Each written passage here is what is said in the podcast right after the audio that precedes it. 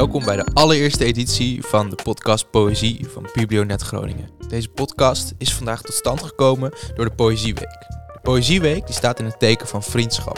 En daarom ga ik straks samen met mijn gasten vriendschap bespreken. Ik ben Romano Liu. Ik ben organisator van Left or Right in Midden-Groningen, in het Kielzog en in de bibliotheek. Ik schrijf zelf heel graag poëzie en daarnaast studeer ik psychologie aan de Rijksuniversiteit Groningen. Wat we vandaag gaan doen, is we gaan vriendschap in de poëzie bekijken vanuit een historisch perspectief. Veel luisterplezier, geniet van deze podcast. Dames en heren, jongens en meisjes, welkom bij uh, podcast over poëzie. We zitten hier vandaag uh, ja, met een aantal mensen samen om te praten over poëzie in het thema van vriendschap. Want de Poëzieweek is momenteel gaande wat we vandaag gaan doen is, uh, we gaan vriendschap bekijken in de poëzie door verschillende historische perioden. We kijken naar de middeleeuwen en we kijken naar de romantiek.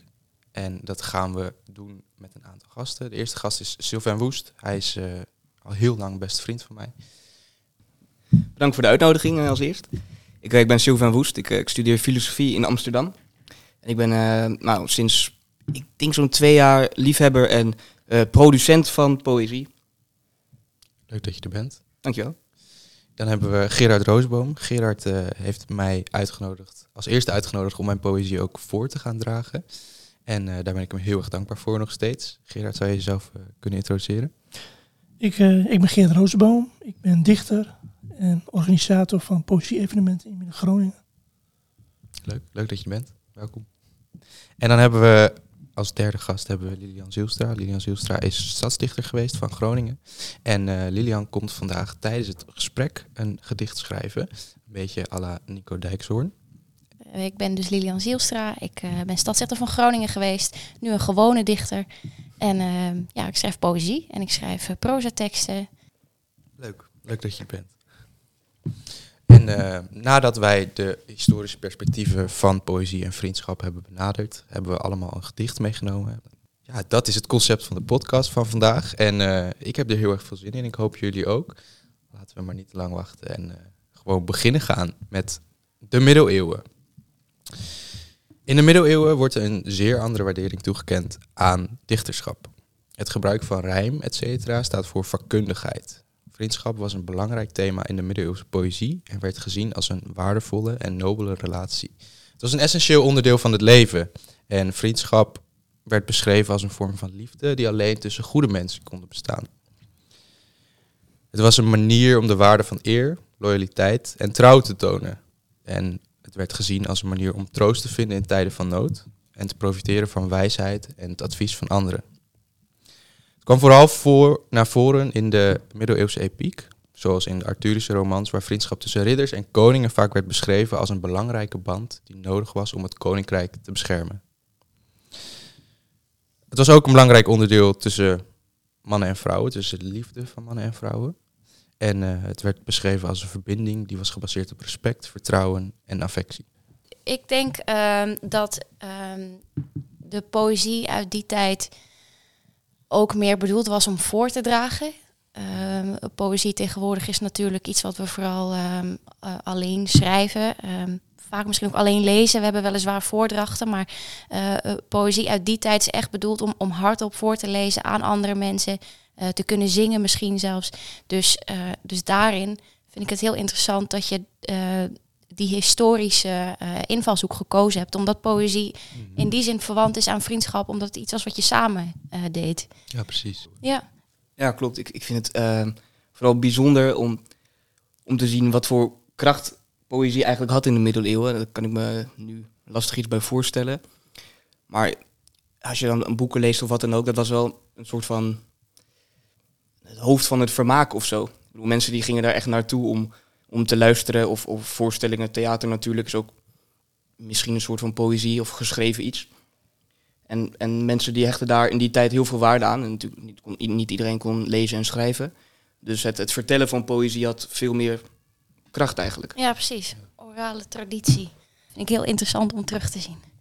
En dat onderstreept ook wel dat, dat mensen hun vakkundigheid dan lieten zien door middel van poëzie. En dat, ja, dat vind ik zelf wel heel erg interessant dat het ook werd meegenomen. En ik denk dat dat later ook, uh, toen de wetenschap een beetje opkwam, werd het ook wel wat gedaan. Wat werd precies gedaan? Nou, dat de vakkundigheid werd getoond door middel van rijm. Ja, In, zelfs in wetenschappelijke stukken. ja. Ja. Maar ehm, rijmen jullie? Ik, in mijn eigen poëzie bedoel je? Mhm. Niet altijd. Niet altijd, Nee. maar soms wel dus. Ja. Kijk. ja ik vind, eh, vind je rijm een essentieel onderdeel van poëzie? Nee, juist niet. Daarom vind ik dat juist interessant. Want je, je, je zegt, eh eh, poëzie is, eh, was in die tijd een manier om je vakkundigheid te laten zien. Ehm, dat zullen dan ook heel vormvaste eh, eh, gedichten zijn. Vormvaste poëzie. Met echt een tadam, tadam, tadam, zeg maar Alexandrijn. Ik ken al die termen niet zo goed meer, maar... ehm, en ik, ik denk dat we daarin echt... Ik, ik, ik ben constant aan het denken van hoe verhoudt zich dat tot nu. Ehm, ik heb het idee dat we nu juist in een tijdperk zitten waarbij eh, vormvast en rijmen, dat doet haast niemand meer. Hè? Mhm. Ehm, dus dus dat, dat boeit me ook weer dat we eh, aan de ene kant meer eh, in het voordragen zijn gaan zitten, in tegenstelling tot een paar jaar geleden. Maar tegelijkertijd zijn we er heel ver vanaf.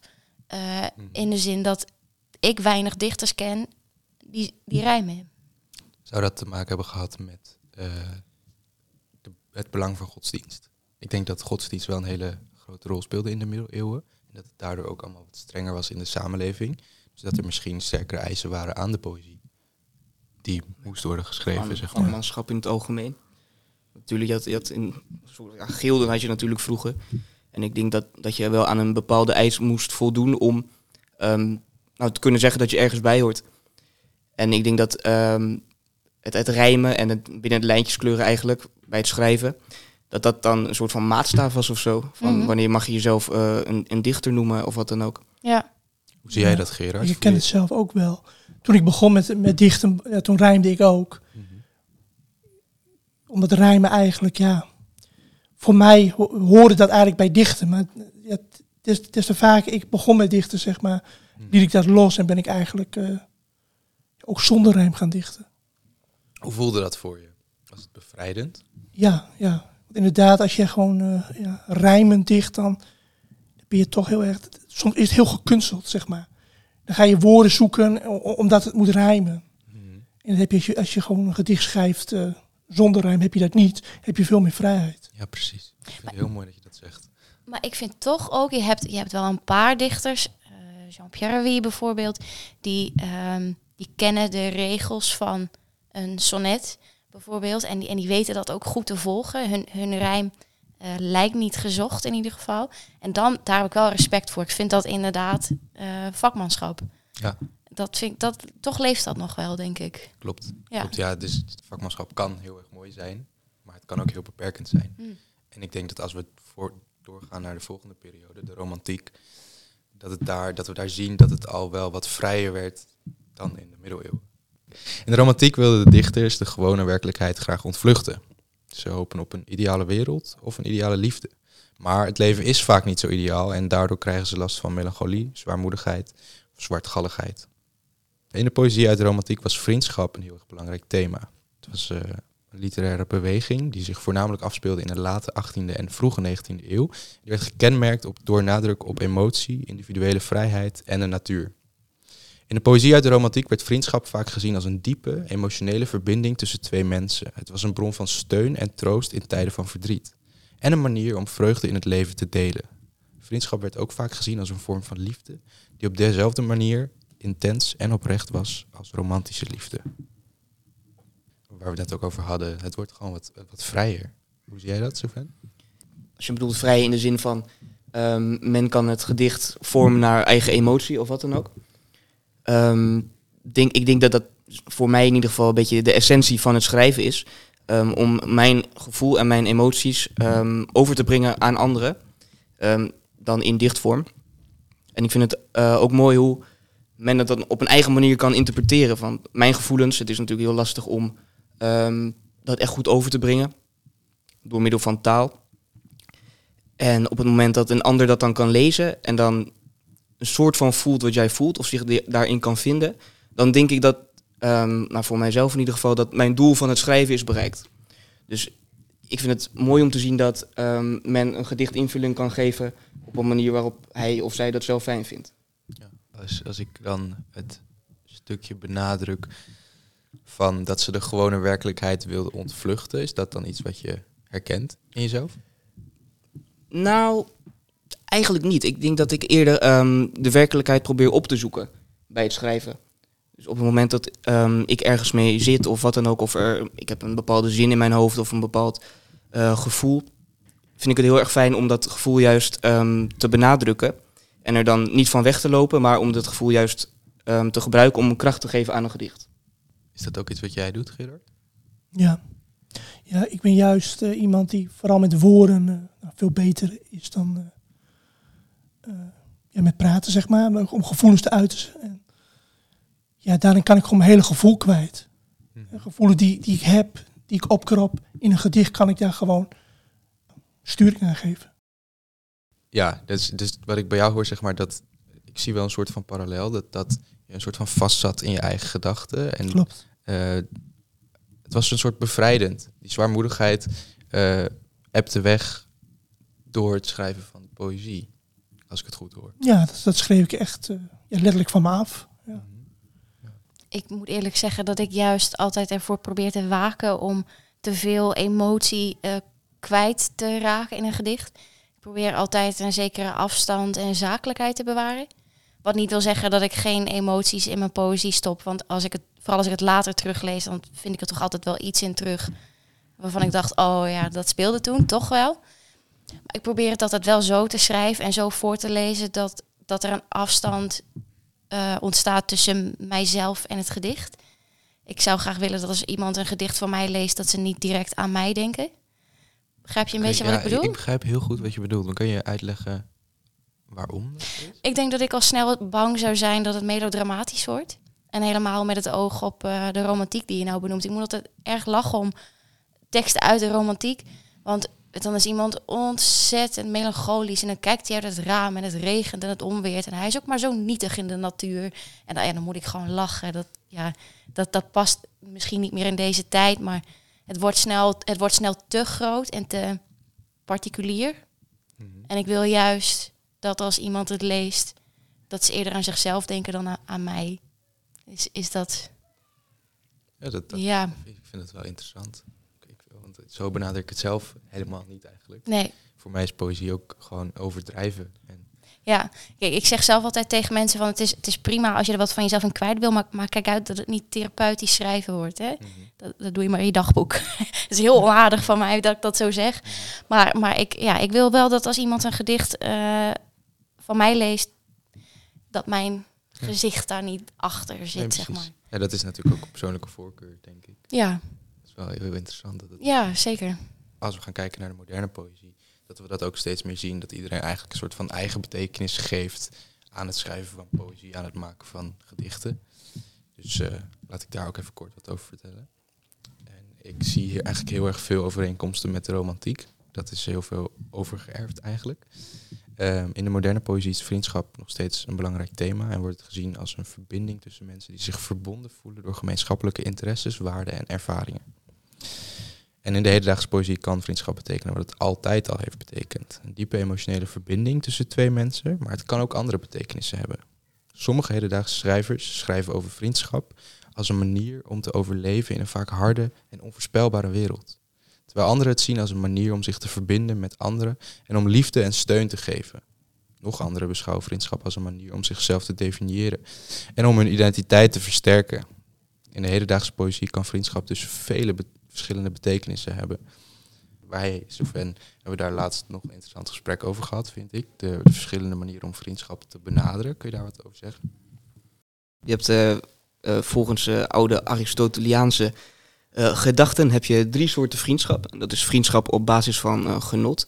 Dus nou, stel, Romano en ik kunnen het helemaal niet zo goed vinden, maar wij houden allebei ontzettend veel van voetbal. Dus wij, wij halen er echt plezier uit om wekelijks een balletje te trappen. Dan is dat ehm, volgens Aristoteles een vrij oppervlakkige vriendschap. Ehm, waar je dus eigenlijk alleen maar eh, plezier uit haalt. Heb je ook nog ehm, vriendschap op basis van nut. Dus dat is een, eigenlijk, nou, je zou het kunnen zien als een zakelijke verstandshouding. Dus eh, stel, ik wil wat leren over eh, dichten. En ik benader Gerard, maar ik vind Gerard eigenlijk helemaal niks. Dan, dan gebruik ik Gerard eigenlijk voor, nou ja, voor kennis of, of wat dan ook. Of eh, een ander doeleind. En dat zou dan andersom ook weer kunnen zijn. Stel Gerard, die, die wil heel veel weten over, nou, eh, over iets waar ik dan weer heel goed in ben. Aristoteliaanse filosofie. Juist. ehm, en dan heb je nog vriendschap op basis van eh, deugd, dus normen en waarden. En dat is volgens Aristoteles eh, de enige goede vriendschap of de perfecte vriendschap. En, ehm, en dat is omdat wanneer mensen hetzelfde denken over hoe je andere mensen behandelt, ehm, dan kan je dus eigenlijk ook wel goed met elkaar vinden. Alleen dat is dan iets waar ik zelf niet helemaal mee eens ben. Want ik ben, denk van ja, als je echt een perfecte vriendschap hebt, dan eh, kan je het op alle drie de vlakken goed met elkaar vinden. Dus dan kan je en een goede ehm, nou, zakelijke dingen samen ondernemen. Eh, je kan samen plezier hebben en je denkt ook nog hetzelfde over eh, het behandelen van mensen. En ik denk dat dat onze vriendschap wel heel goed omschrijft. Ehm, daar dacht ik laatst over na, van hey, ehm, ja, wij passen eigenlijk wel op alle drie die vlakken. Is dat zo? Oh. Ik denk het wel. Dat vind ik wel een mooie, mooie uitspraak. Maar kun je dat even nader toelichten? Nou, toelichten. Ah, ik, ik denk dat, ehm, dat ik dat vooral terugzie in ehm, gesprekken die wij kunnen hebben. Want ehm, wij kunnen zo drie weken lang elkaar iedere dag zien en geen één serieus gesprek hebben, maar wel ontzettend veel plezier hebben. Eh, wij kunnen samen uiterst productief zijn. En ehm, dat kan een hele week zijn of een uurtje, dat maakt niet zo heel veel uit. En eh, daarnaast kunnen wij ook nog hebben over ehm, nou ja, dingen die wij in het dagelijks leven eigenlijk tegenkomen en hoe we situaties benaderen en hoe wij eh, met mensen omgaan en wat we daarvan vinden en wat dat met ons doet. Nutgedeelte? Het nutgedeelte, nou ja, ehm, misschien zouden we dit als het nutgedeelte kunnen zien. We zijn nu best, eh, ja, Maar zou je ook het stukje van eh, het benaderen van alledaagse situaties en daar bijvoorbeeld ergernissen uit delen, Dat- zou je dat ook kunnen zien als nut? Want dan hebben we er wat aan Ja. als we de ander zijn. Of ik denk het wel. Ik, het, het, het- ja, het sluit elkaar natuurlijk niet uit dat eh, op het moment dat ehm, iets voor het plezier is, dan zou het ook heel nuttig kunnen zijn. Ehm, ik denk dat die dingen elkaar wel overlappen. Gerard en Lilian, wat, wat benaderen jullie? vriendschap? Nou, die gedachte, ja, dat, dat, dat zet je wel aan het denken. Want je hebt natuurlijk verschillende soorten vriendschap. Ja, ik benader vriendschap vooral... eh, ja, eigenlijk heel poëtisch, om het zo maar even te zeggen. Want ik heb he- ik- vooral in de, in de poëziewereld heb ik heel veel vriendschappen opgedaan. Je hebt iets gemeenschappelijks met elkaar. En, en dat is de poëzie. En daar heb ik heel veel mensen leren kennen... waar ik een, waar ik, waar ik een hechte vriendschap mee heb opgebouwd. Ja, ik heb het niet helemaal meegekregen, moet ik eerlijk zeggen. Ik- Je noemde drie, eh, drie soorten op. Nut, eh, plezier deugd, en plezier deugd. en deugd. Ja. Ehm, mijn eerste gedachte was inderdaad wat jij zelf al, al zei. Ehm, ik kan me voorstellen dat er vriendschappen zijn die alle drie die facetten met elkaar combineren. Maar toen dacht ik, eh, hoe uitzicht dat dan in de vriendschappen die ik heb? En ik denk dat ik zelf toch echt wel vrienden per situatie heb. Ik heb, weet je, collega's waar je goed mee kan, maar die zie je buiten je werk om niet. Je hebt vrienden waar je mee eh, nou ja, naar het café gaat of naar eh, een, een concert. Maar daar heb je het niet weer over met je werk. Er zijn eigenlijk maar weinig mensen waar je, waar je alles mee hebt. Hè?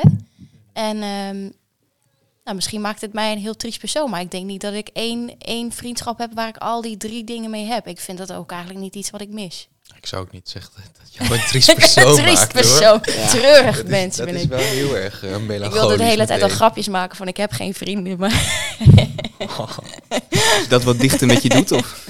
ja, precies. Nee, maar ehm, ja, deugd.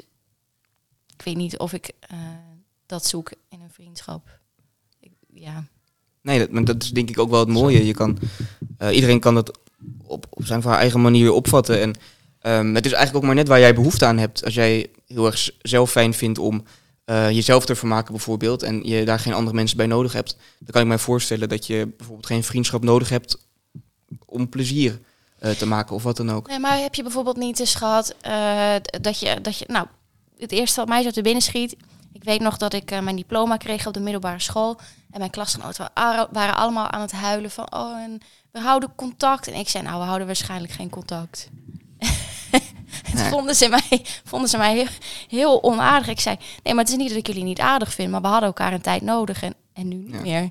Ik vind je vooral realistisch. Ja, nou ja, Ja. het is natuurlijk, het is niet romantisch. Maar het is wel de waarheid dat we elkaar soms een tijd nodig hebben en daarna niet meer. En dat maakt die, Klopt. die soort vriendschap niet minder eh, waardevol. Maar eh, eh, er zijn maar weinig vriendschappen die door alle levensfases mee kunnen. ik denk dat dat ook een beetje ehm, komt door de maatschappij waar wij in leven. En die gedachte, of nou ja, niet per se de gedachte, maar wat ons verteld wordt dat vriendschap is, zeg maar. Ik denk dat een vriendschap prima twee, drie, vier jaar kan duren. Of dat je in relatief korte tijd met elkaar vrienden kan worden. En je kan elkaar ontzettend lang kennen, maar ja, of ben je vrienden? Ja, niet echt. En ik, ik denk dat het ehm, dat mensen zich heel snel laten meeslepen door wat een ander hun verteld heeft wat vriendschap nou precies is. Dus ik denk dat dat ook bij jou in de klas gebeurd is. Van hey, vrienden die, eh, nou ja, dat, dat is voor altijd en eh, anders Ja. is het geen vriendschap. En hè, wanneer is iets eigenlijk vriendschap? En ik denk dat als je dat aan mensen vraagt, dat je na 9 van de 10 keer, dat mensen daar eigenlijk nog niet echt bij nagedacht hebben. Nee, nee, dat denk ik ook niet. Ik denk vooral dat vriendschap ook is op momenten dat je het gewoon eh, dat het niet goed, goed met je gaat, dat je iemand hebt waar je op kan bouwen. En mijn ervaring is ja, toch wel geweest dat op, op zulke momenten hè, dat je iemand nodig hebt, ja, dat, ja, dat je dan maar weinig vrienden overhoudt. Erg is, weinig vrienden overhouden. Ehm, ja, je hebt bepaalde verwachtingen van een vriendschap. En ja, als die verwachtingen dan niet uitkomen, dan, ben je wel teleurgesteld. Maar meer in de zin van de eh, kwantiteit Ja, kwaliteitsverhouding, precies, ja, ja. zeg maar. Want ik, ik, ik zou Sylvain denk ik als mijn enige echte vriend beschouwen. De, de an- ik heb nog wel een aantal goede vrienden natuurlijk. Ja. Maar eh, ik denk dat wij de test van tijd wel doorstaan hebben met z'n tweeën. Want hoe lang kennen jullie elkaar al? We waren zes, vijf, Ja, kleuterklas. Ik denk dat, dat jij vijf was en ik zes. zoiets. Ja, Ja. dat is bijzonder. Ja, Ja, ja. wij weten niet beter. Nee, Nee, ja, dat is mooi. Bijzonder. klopt. Wij weten. Ja, daarom wilde ik Sylvain natuurlijk ook uitnodigen. Want eh, dat is gewoon, ik denk iets wat je niet heel veel meer hoort. Tenminste, ik, ik ontmoet best wel veel nieuwe mensen in mijn dagelijks leven. En ik hoor eigenlijk bijna nooit dat mensen een vriendschap hebben die zo lang al bestaat. Nee, ik, ik vind het ook wel mooi hoe onze vriendschap, ehm, hoe, hoe dat zich nu uit. Want ik wo- woon nu ehm, nou, wat verder weg eigenlijk. Maar we hebben wel regelmatig contact en, en we zoeken elkaar regelmatig op. En ik heb niet het idee dat, dat het op een manier verwatert of zo. Helemaal mee Dus we hebben de, de, de test van afstand ook doorstaan. Maar mag ik daar eh, wat over zeggen? Want ehm, ik vind het heel bijzonder om te merken dat jullie ook naar elkaar kunnen uitspreken van wij zijn goede vrienden van elkaar, eh, wij doen dingen samen, wij beleven daar plezier aan. Ehm, helemaal tussen twee mannen zie je dat, eh, zie je dat weinig, maar überhaupt tussen, tussen eh, vriendschappen, tenminste. Ik, ik heb één vriendin tegen wie ik wel eens zeg, ik hou van je, dat meen ik ook. Ehm, maar verder zijn dat eigenlijk geen ehm, emoties of verhoudingen die, die besproken worden. Terwijl in een romantische relatie is dat een van de dingen die je hoort te doen, wel doet. Dan weet je, maak je er tijd voor. Maar, maar in een vriendschap eh, lijkt, dat, lijkt er veel meer ongezegd te gaan misschien. En ik vind het heel mooi om te zien dat jullie dat, eh, dat wel gewoon doen. Ik vind dat wel heel interessant dat je dat zegt. Want het is natuurlijk niet altijd zo dat we dat doen. Nee, zeker Zo niet. vaak gebeurt dat heel eerlijk gezegd Nee. niet. Maar ook wat je zegt, dat, dat een soort van... Bij mannen is dat wel heel erg veel minder, denk ik. Ja, Tenminste, ik zie bij vrouwen die eh, in een vriendschap fysiek contact is heel erg normaal. Het uiten van gevoelens is heel Ja. erg normaal. En bij mannen rust er toch nog steeds een soort van stigma op het uiten van, eh, ja, van die gevoelens. Ik ben wel heel erg blij dat je dat aankaart, want dat is ook wel iets wat ik nog steeds heel erg relevant vind. En toch wel ook heel erg sterk van mening ben dat dat anders zou moeten. ja, absoluut. Hoe, hoe zie jij dat? Hoe ervaar jij dat, Gerard? Ehm, het zou inderdaad wel anders moeten. Maar ik, ja, ik heb zelf ook inderdaad dat ik niet heel in die zin eh, vriendschap eh, close me zeg, met een man, zeg maar, dat ik daar alles mee deel of zo. Of op mijn gevoelens uit. Is dat iets waar je behoefte aan zou hebben? En ja en nee. Ja en nee. ik ben toch ja, ik ben iemand die toch. eh, ja. Aan de ene kant ben ik graag op mezelf. En, en aan de andere kant wil ik ook graag een echte vriendschap. En Hmm. nou, daar zal er iets tussenin moeten zitten wat er eigenlijk, Ja, precies. wat er eigenlijk niet Het is toch een is, beetje een soort van dualiteit. klopt. Ja. Ja. En, en dan Soufen, eh, want ik kaart dit dan nu aan als een soort van belangrijk thema, maatschappelijk thema. Hoe ervaar jij dat? In onze vriendschap, in het algemeen. Wat vind je ervan? Ehm, nou, voor, voor mijzelf, ik, ik, ehm, nou, ik, ik ervaar dat probleem eigenlijk niet, zoals nou, Lilian ook al zei. Ehm, maar wij kunnen op zich wel naar elkaar uitspreken en hoe we ons voelen. En we zijn het echt niet altijd met elkaar eens. Dat, dat, eh, ja, natuurlijk, dat, dat hoort ook bij vriendschap, denk ik. Maar ik, ik denk eigenlijk dat ik daar helemaal niet zo heel erg veel van vind.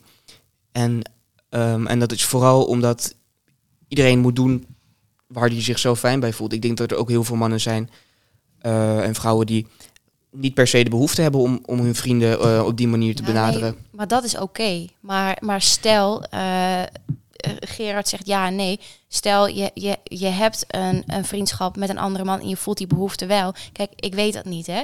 Maar ik kan me voorstellen dat je die behoefte wel hebt, maar het niet doet, omdat dat niet binnen dat kader past. Wij doen dat niet. Ja, precies. Ja, Zo, ik, dat snap ik wel. Dat je eh, je eigenlijk een beetje tegenhouden voelt, omdat je bang bent wat de reactie van de ander Ja, zou zijn. Of, Precies. ja, dat, ja, Maar als jij dat niet ervaart, is dat des te beter, denk ik. ja, klopt. Nee, ik, ik ervaar dat niet echt. Ik, eh, op het moment dat ik nou, mij fijn genoeg voel om, eh, maar ik wil niet per se zeggen als man, want ja, emoties uiten. Ik vind niet dat daar eh, een gender op zit of wat dan ook. Dat, dat kan iedereen doen natuurlijk.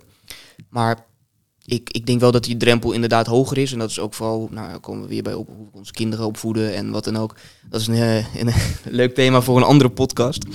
Maar eh, ik, kan me heel goed voorstellen dat, dat iemand, dat die drempel hoog is om als man ehm, je emoties te uiten en dan vooral naar vrienden toe. Wat, wat ik daarvan vind, ehm, ja, dat weet ik eigenlijk nog niet zo goed. Ik vind het heel lastig om ehm, ja, te zeggen van moet iemand nou, moeten we dat, hè, moet iedereen daarvoor openstaan of moet iedereen dat fijn vinden om dat uit te spreken of moet iedereen het fijn vinden dat dat uitgesproken wordt. Maar jouzelf toe, dat, dat, nou, dat weet ik niet zo goed. Nee, het is, het is in die zin misschien ook wel een beetje een kip in het ei verhaal van wat kwam eerst. Ik Ja. wilde die emoties delen, maar ik, ik, wil, ik kon het niet. Of ja, ik, ik voel die behoefte niet zo en daardoor doen we het niet. Ik bedoel, ik ben heel erg voor eh, vrijheid. Dus als je het niet wil, dan is dat oké. Ja, en dat werkt natuurlijk twee kanten op. En ik kan mij ehm, ook best wel goed voorstellen, en dan kom ik weer op eh, de huidige maatschappij, dat iemand het niet fijn vindt als dat wel gedaan wordt, bijvoorbeeld. Hm. Dat wel een, een, ja, daar kan ik me ook wel iets bij voorstellen. Ja, dat zie je ook wel weer terug als we naar eh, moderne poëzie kijken. Dat, dat iedereen wel gewoon wat meer vrij is om zijn of haar eigen voorkeuren gewoon te benadrukken. Ik wil graag doorgaan naar het volgende onderwerp. We hebben natuurlijk allemaal een gedicht meegenomen. En eh, om het maar af te trappen ga ik meteen het gedicht voordragen wat ik heb meegenomen. Het is een gedicht van Rupi Kaur. Het is een eh, gedicht in het Engels dus. Het heet Friends. En eh, ik moet zeggen dat dit gedicht, toen ik het voor het eerst las, raakte het mij heel erg. Eh, ja, ik ga het gewoon voorlezen. Dus.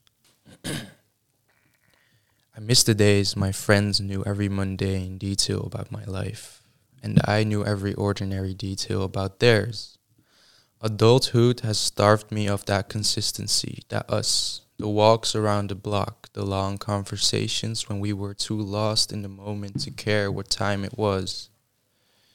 When we won and celebrated, when we failed and celebrated harder, when we were just kids.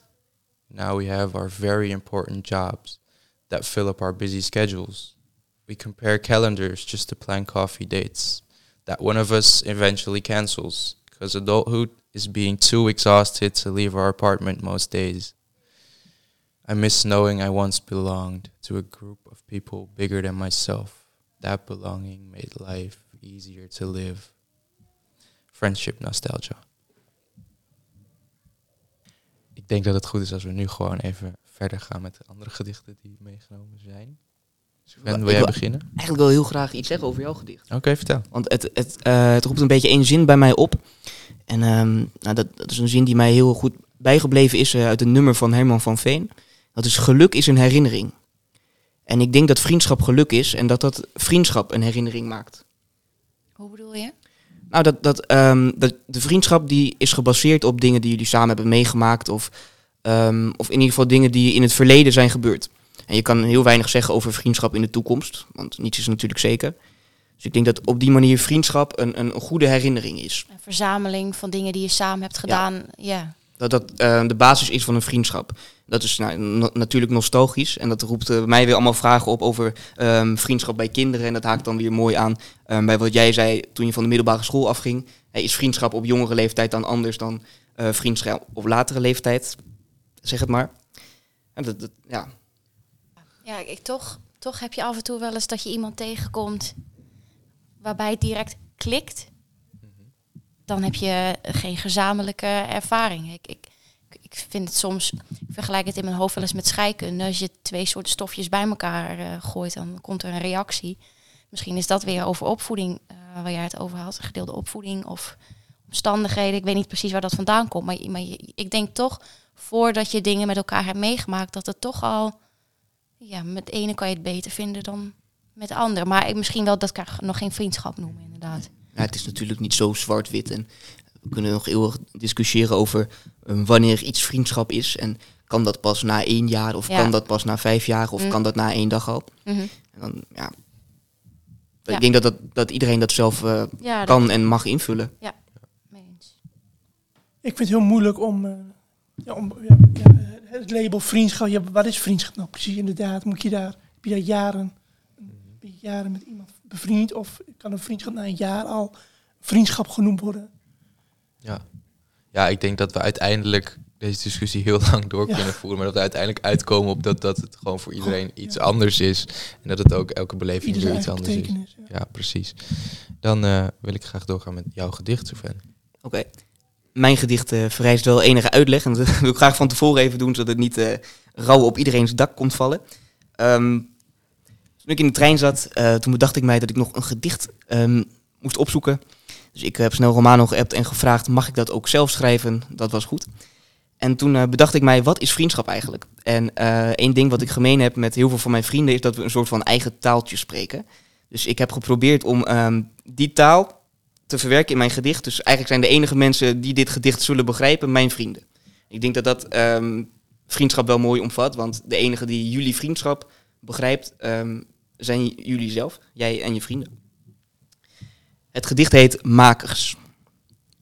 De makers van Amelan, Jeu de Boys en Onbegrepen Taal. De makers van Hit Tonight en Arthur, van Beb en nog naar Shep. Het is nooit ik geweest. En ik was nooit alleen. Het was altijd al wij. Want de makers van herinneringen zijn de makers van mij. Begrijp jij dit, Romano? Ik begrijp dit natuurlijk. Ja. ja dus dat... Uh, we hebben, ik denk, ik, ik, zeg dat heel vaak tegen mensen die ik ontmoet. Als, als zij naar een gesprek van tussen mij en Sylvain zouden luisteren of überhaupt ons WhatsApp-gesprek zouden lezen, ik denk niet dat je er veel van zou kunnen maken. Maar is dit, is dit uh, natuurlijk ontstaan? Of hebben jullie op een gegeven moment gezegd, oké, dit betekent dat en dat betekent dit dat? is uh, natuurlijk ontstaan. En, we, en dat, ik denk dat dat ook wel het mooie is um, van het hebben van een telefoon bijvoorbeeld en het uh, appen met elkaar, daar komen soms woorden uit. Of dat je iets verkeerd typt of wat dan ook. Of wat sneller typt of op een grappige manier typt of heel fonetisch. En daar komen soms woorden uit. Um, en die woorden die hebben een betekenis die eigenlijk niemand begrijpt. Zoals, um, ik, ik, vind het leuk om een woord even toe te lichten. De titel van het gedicht, makers. Makers is eigenlijk makkers. Oh. Maar ja, dus wij noemen elkaar de makers, ons vriendengroepje eigenlijk. Dus uh, zodoende. En ik, ik vond het wel mooi dat, dat um, mijn makers, dus mijn makkers, zijn ook de makers van mij. Ja, dus dat is een beetje het bruggetje. Ja. Mooi hoe je die hebt gebruikt. Het ontstaan van al die woorden, dat is zo. Dat is ook iets waar je heel lang over kan praten. Hè? De invloed van technologie, ja. taal. Ja. Ook weer Klopt. interessant. Ja, ik denk dat dit wel in ieder geval heel mooi, soort van mooi gebruik van technologie ja. onderstreept, waar we eh, van alle negatieve dingen aan op kunnen hangen. Maar dit vind ik toch wel een hele positieve. Uh, Lilian, jij hebt ook een gedicht meegenomen. Ja. Wil je die aan ons voordragen? Dit is een gedicht van uh, Ingmar Heitse. En het heet Projectie. Het zal wel donkerder zijn en stil als je er niet meer bent. Misschien zo stil en donker als het ademloos moment waarop het zaallicht dimt voordat de film begint dat ogenblik. De hele eeuwigheid. Misschien. Maar als je droomt dat je een vlinder bent, kun je evengoed een vlinder zijn die droomde dat hij een mens was. Je mag dit nooit vergeten. Op een dag kust een van ons de ogen van de ander dicht en moet dan weten: dit is louter pauze totdat alles weer opnieuw begint. Jij en ik, geen stof, maar licht. Wauw. vond het echt een heel mooi gedicht. Ja, ik ook. Ja, ik, ik, toen ik dit las, dacht ik, ik kan me voorstellen dat dit meer voor een liefdesrelatie is. Maar niet per se. En aangezien de twee ook niet ver uit elkaar liggen, dacht ik, ah, dat kan wel. Ja, Ja. helemaal eens. En toen je dit voor het eerst las, eh, kwamen er ook emoties omhoog? Mm, ik val altijd voor beelden in eerste instantie. Eh, en en ehm, dat gevoel als je in de bioscoop zit voordat de film begint, eh, die pauze die er dan is, dat hij dat linkt aan vriendschap of liefde, eh, dat er een eeuwigheid in lijkt te zitten, dat, dat, dat greep me. Dat vond ik heel mooi. En ehm, ja, herkenbaar in die zin met de echt goede vrienden heb je het gevoel dat het voor altijd is. Dat je ook steeds weer bij elkaar terugkomt, ook als er even een pauze is geweest. Ja. Dus ik denk dat eh, dat het is. Maar het was vooral, ik hou nooit zo van gedichten waar vlinders in komen. Dus ik dacht, is oh een vlinder, oh nee. Maar toen draaide hij het om. En toen dacht ik, oh ja, dit is wel, eh, ja, dit vind ik heel mooi. Maar het zat hem vooral in, ehm, het zaallicht dimt voordat de film begint. Ja, die visuele Ja. verwerking eigenlijk. Ja, en ook eh, op een dag kust een van ons de ogen van de ander dicht. Ja. Nou, daarin misschien ook dat je je leven lang vrienden van elkaar zou willen blijven. Mhm. Ongeacht of je dat ook blijft of niet. Maar dat is denk ik wel, zo voelt het wel als je bevriend bent. Denk ik, ik denk dat niemand een, een vriendschap of een relatie heeft en denkt, oh, dat gaat na een tijdje weer over, tenzij het een middelbare school is. Maar eh, Ja. ehm, ja, ik denk dat als er ooit een moment is dat we denken dat iets voor altijd is, dan is het tussen mensen. Gerard, wil jij een gedicht aan ons voordragen? Ah ja. Eh, dit gedicht kwam ik tegen op internet. Eh, ja, de dichter die is onbekend. Ik weet niet wie hem geschreven heeft, maar dit gedicht ja, omschrijft voor mij precies wat vriendschap is. Leuk. Een vriend deelt mee. In vreugde en verdriet. Een vriend helpt stilzwijgend en roddelt niet. Begrip en waarderen hoeft een vriend niet te leren. Wat het leven je ook biedt, een echte vriend verlies je niet.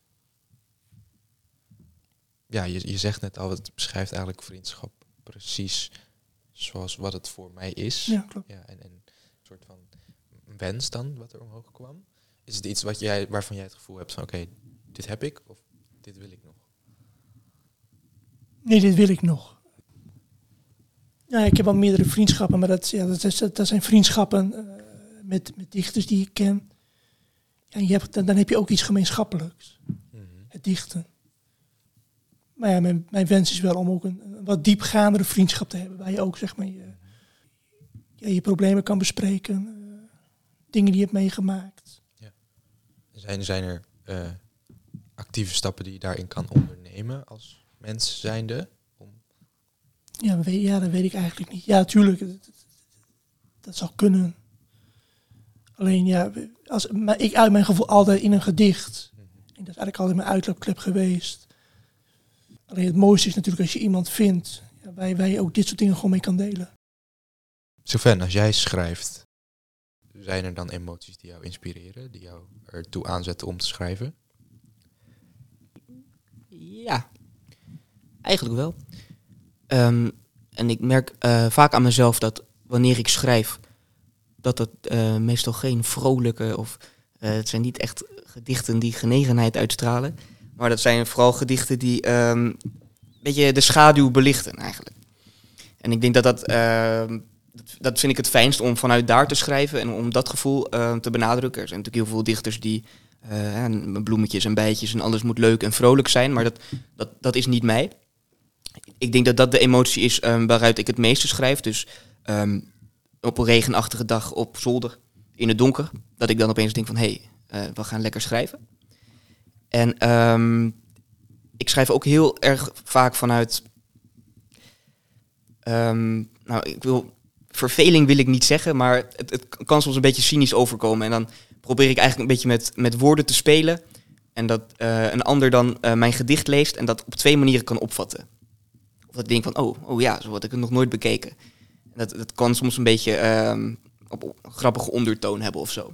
En ik weet niet eh, of ik een emotie kan ehm, toewijzen aan grappig of ja, een beetje, een beetje melig eigenlijk. Het komt voort vanuit een soort duisternis. Eh, maar uit die duisternis wil je dan wel een soort van licht halen, iets, iets humoristisch.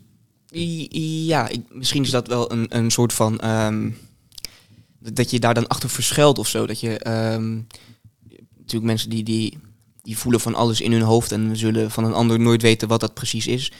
En mensen die eh, houden ervan om, om zich te verschuilen achter ehm, van alles en nog wat. En ik denk dat dat bij mij ehm, in ieder geval bij het dichten ehm, de cynische of grappige ondertoon is.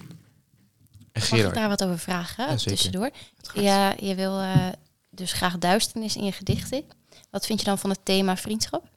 Eh, waardeloos. ja, ga ik heel eerlijk in zijn. Dat, dat is niet. eh, ja, ik, ik ben er zelf nog niet helemaal over uit. Ehm, ja, nou, eigenlijk, ik, ik vind het jammer dat vriendschap. ehm daar leggen wij altijd de nadruk op de dingen die leuk zijn. En ehm, vriendschap is altijd goed en we zijn er voor elkaar.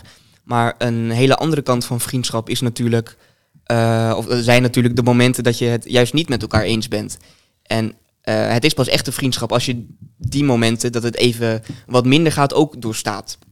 Dus ik, je zou in zekere zin kunnen zeggen dat vriendschap ook gebaseerd is op dingen die niet leuk zijn. En ik denk dat dat wel eens vergeten wordt. dus in die zin vind je vriendschap eigenlijk best wel een leuk thema. Het- het maar zou een goed- de duistere kant benadert. Het zou zeker een goed thema kunnen zijn, maar dan moeten we wel ehm, alle facetten van vriendschap ehm, belichten eigenlijk. Ja, En, moet, en realistisch zijn vooral. interessant. En welke, Gerard, wat, wat, welke emoties voel jij die jou aanzetten om te schrijven? Eh, bij mij vooral op het moment dat ik verdrietig ben. En, en eh, wat gebeurt er met jou als jij een, als je verdriet voelt en je gaat dan een gedicht schrijven? Nou, het lucht heel erg op.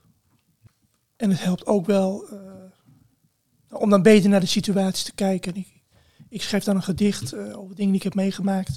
En dan, ga je, dan kijk je toch op een andere manier naar dan als het allemaal in je, in je hoofd blijft rondmalen, zeg maar. Ja, precies. Dus het is, het is eigenlijk een soort van eh, filter om het allemaal Ja, ja, wat helderder te maken. ja, nou ja, ja zo, zo is het wel begonnen eigenlijk. eh, ja. En helpt het je dan ook om dichter tot je eigen gevoelens te komen? Ja, ja ik, ik, ik kom in gedichten beter tot mijn gevoelens dan... eh, Mhm. Misschien een hele intieme vraag hoor, maar huil je dan ook tijdens het schrijven? eh, nee, Dat niet. dat niet, nee. Dat Huil je, niet. in, huil je in de algemeenheid? Nee, ook moeilijk. Ook moeilijk. Het, het wil wel eens, zeg maar, als ik dan de, de desbetreffende gedichten ook voordraag tijdens poëzie-evenementen, dan moet ik wel eventjes, nou ja, Even slikken. even slikken. eh, Mhm. Jij wilde er wat over zeggen, Ik wil, Sven? ik wil eh, Gerard eh, iets vragen. Ja. Is schrijven jouw manier van huilen? Oh. ja, dat zou best wel eens zo kunnen zijn. Ja. De woorden rollen als tranen. Ja, ja. Ja, ik, wil Ja. bijna zeggen mooi. Het- ja, ja. dat denk ik. Ik denk dat dat een mooie, mooie manier is om, om verdriet of wat dan ook te verwerken. Het is volgens mij ook wel een van de weinige manieren waar, waar ik, waardoor ik uiting kan geven aan gevoelens, denk ik. Dus, dus in eerste instantie is de poëzie voor jezelf, van jezelf. Ja. Ehm, maar er zijn ook mensen die het lezen. Klopt. En ehm, is het dan het verdriet wat jij hebt gevoeld, wat je mee wil geven aan je lezers? Of wil je de lezers troost bieden? Of is het iets totaal anders? Nee, ik, wil- ik wil lezers troost bieden. Ja. Ik hoor wel vaak dat mensen zeggen van, nou, ik ken me er wel in en het troost mij ook wel wat je schrijft. Ehm, nog best wel een intieme vraag, denk ik. Ehm, wanneer, wanneer ben je begonnen met dichten? Wat, wat is de aanleiding daarvoor mijn ouders zijn jong overleden. Eh, vrij kort na elkaar. En ja, toen ben ik begonnen met dichten. Heftig. Dus, dus dat, dat was ook echt een periode waarin je echt verdrietig bent geweest. ja. Ja. En dat op die manier heb je dat kunnen verwerken, als ik dat zo hoor. Nou, klopt. Heel- Voor mij was het wel de manier om te verwerken. Mhm. Dus dan, dan zou je kunnen zeggen dat, om het even de parallel te trekken met vriendschap, dat poëzie eigenlijk een hele goede vriend voor jou is. Ja, ik denk dat poëzie wel mijn beste vriend is. Mhm. Ja. En, en ik vind het ook nog wel leuk om dan even die quote erbij te pakken, want wij hadden laatst een gesprek met elkaar. En daarin zei jij, poëzie is alsof je in de ziel kan kijken van een ander. Als ik jouw poëzie lees, eh, is dat dan eigenlijk jouw manier om mij een blik te laten werpen op jouw ziel? Ja, ja dat denk ik wel. En op wat voor manier merk je dat bij de poëzie van anderen? je hebt natuurlijk mensen die, die, die gedichten schrijven, gewoon eh, algemene gedichten, waarvan je niet eh, eruit opmaakt, zeg maar, dat het over die persoon gaat. En Lilian, wat, wat die uitspraak heeft Gerard natuurlijk gedaan. Poëzie is alsof, alsof je in de ziel kan kijken van een ander. Eh, omdat jij net ook zei, poëzie, ik wil juist iets verder van mij weg hebben. Is het dan ook zo dat wij niet in jouw ziel kunnen kijken als we jouw poëzie lezen? Ja, ja, ik wil graag nee zeggen, maar ik denk dat het eerlijke antwoord toch wel ja is. Zoals ik al zei, ik heb vaak toch wel als ik later eh, teruglees wat ik geschreven heb, dat ik denk, oh ja, dat ging toch wel daarover of daarover. Maar ik, ik hoop wel ehm, dat ik daar bij de lezer niet in de weg zit. Ik wil heel graag dat de lezer er zijn eigen gedicht van maakt. Dus als ik bijvoorbeeld over een ik schrijf in een gedicht, ik loop door het winkelcentrum, dat de lezer zichzelf door dat centrum ziet lopen en niet mij. Ja. Ik denk dat dat eh, de meest concrete manier is om dat uit te leggen. Dus daarin denk ik dat er een verschil valt te maken tussen persoonlijk en privé. Ik denk dat veel van mijn gedichten wel persoonlijk zijn. Ik denk ook dat je daar moeilijk aan kan ontkomen. Maar ik hoop dat ze niet privé zijn. Of dat altijd lukt, weet ik niet. Wat, ik maakt, moeilijk wat zeggen. maakt dan dat de privégedichten, dat je vindt dat die niet gedeeld moeten of mogen worden? Ja, dat is misschien gewoon mijn persoonlijkheid. Ik, eh, ja, ik, ik, vind dat, ik vind dat een onprettig idee. ja, ik weet niet. Het is niet dat ik, ik ben best open hoor. Ik vind het helemaal geen probleem om over gevoelens te praten. Maar ik vind in een gedicht dienen die voor eh, de lezer om zich daartoe te verhouden. Ik ben in feite misschien zelfs van mening dat op het moment dat ik dat eh, op papier heb gezet en iemand anders leest dat, dan heb ik daar niks meer mee te maken. Ik erger me ook altijd heel erg als mensen eh, mij gaan vragen van, eh, heb jij dat echt meegemaakt? Of hoe ging dat dan? Dan denk ik, ja, misschien is dit wel echt gebeurd, maar dat is geen relevante vraag meer. Wat doet het ja, met jou? Precies, ja. Nee, dat, dat snap ik wel. Zeg maar in die zin dat je die afstand eigenlijk een beetje Ja. wil houden. Maar poëzie zelf is het uiteindelijk nog wel echt... Tuurlijk schrijf ik over mezelf. Toch wel, uiteindelijk. Ja. Alleen ehm, op het moment dat ik zeg dat het gedicht af is, dan is het niet meer voor mij. Ja, precies. Dus dan, dan moet het betekenis hebben voor de ander. Ja, Of dan zou je graag willen dat het betekenis ja heeft voor precies. En, en hoe de ander zich tot die tekst verhoudt, dat gaat mij niks aan. Nee, precies.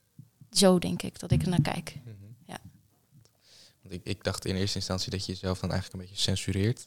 Nou, Ehm. nee, dat niet. Nee, ik schrijf, ik, ja, wat ik al zei, ik denk niet, ik denk niet dat je daar onderuit kan komen. Je, je kan je eigen blik niet ontsnappen, misschien. Ja. Of tenminste, ik kan dat niet. Soms zou ik het wel willen. Ja, nee, dat, eh, maar dat is ook wat je zegt. Van als ik het dan later teruglees, dan zie ik toch wel dat Ja. het over iets ging waar ik op Ja, precies, de toch wel. Ja. Ja. Ja. maar daar kan ik me ook wel heel erg in vinden. Als ik dan gedichten teruglees, denk ik van, oh ja, dat, dat Ja. was er toen gaande. Ja, dat speelde toen. Ja. ja. Terwijl je op dat moment er eigenlijk nog helemaal niet zo bewust Nee, van dat bent. je gewoon, dit is een mooie zin, dit is een mooi beeld, hier wil ik wat mee. En, en dan later denk je, oh ja. Sven, kun jij je nog een periode herinneren waarin jij sterke emoties voelde? Ik denk dat ik wel een, eh, een, een prima link heb naar eh, schrijven en emoties. Ik heb ehm, Oudjaarsdag is eh, een vriend van mij overleden. En ik, ik eh, wilde graag een gedicht schrijven voor hem. En dat dan online zetten. Ehm, op de dag dat zijn uitvaart was. En toen kwam ik erachter dat ik ehm, de dag dat hij overleden was al een gedicht had gemaakt. En dat was ik helemaal vergeten. Ik, ik klapte, toen ik thuis kwam, mijn laptop open. En nog helemaal met een, een stalen gezicht zonder emoties. En toen las ik dat gedicht wat ik voor hem geschreven had. En ehm, toen moest ik opeens huilen. Terwijl ik bij het schrijven van dat gedicht ehm, dat eigenlijk die emotie niet voelde. Dus dat was voor mij best wel een bijzonder moment. Omdat ik, ehm, nou, ik, ik niet snel. Ik, ik sch- schrijf vanuit emotie, maar niet per se vanuit verdriet. Dus dat was, was voor mij nieuw eigenlijk. Een gedicht schrijven vanuit emotie en dat dan ook eigenlijk laten gaan. Hmm. Ik vind het wel heel, interessant wat je zegt. ehm, dat toen je hem later teruglas, dat toen eigenlijk die emotie omhoog kwam. Ehm, hoe, hoe denk je dat dat is gekomen? Ik, eh, ja, dat vind ik lastig om te zeggen, want ik denk sowieso dat emoties soms best onvoorspelbaar kunnen zijn. Maar op, op zo'n dag als de dag van een uitvaart bijvoorbeeld. Eh, ik, heb, ik ben na de uitvaart ben ik nog twee uur lang rondjes gaan rijden in Drenthe om maar gewoon even iets anders te doen. En ook niet gehuild, eh, geen muziek op, niks. Eh, verder eigenlijk geen emoties gevoeld. Ik denk dat dat. ehm, ik denk dat. Ja. Dat, dat het echt het, het moment was van: oké, nu. Dit was het. En ik, ik voelde heel erg de druk om een gedicht te schrijven. Ik wilde dat heel graag, maar ik had het al gedaan. En dat was voor mij een heel fijn gevoel. En toen, dat, dat stelde mij een soort van gerust of zo. Van nu kan je het even laten gaan. Ja? Zijn er nog dingen die nu jullie dwars zitten? Kwijt wil? Die gezegd moeten zijn voordat wij deze podcast afronden? Ja, absoluut. Ja, zeker. Ik denk ehm, dat, ja, ik, ik weet niet wat eh, ons publiek precies gaat zijn. Ehm, maar ik, ik vind het heel erg leuk om, om te benadrukken aan eh, mensen die nog niet lang schrijven. Of ehm, wellicht de ambitie hebben om een keer wat te schrijven.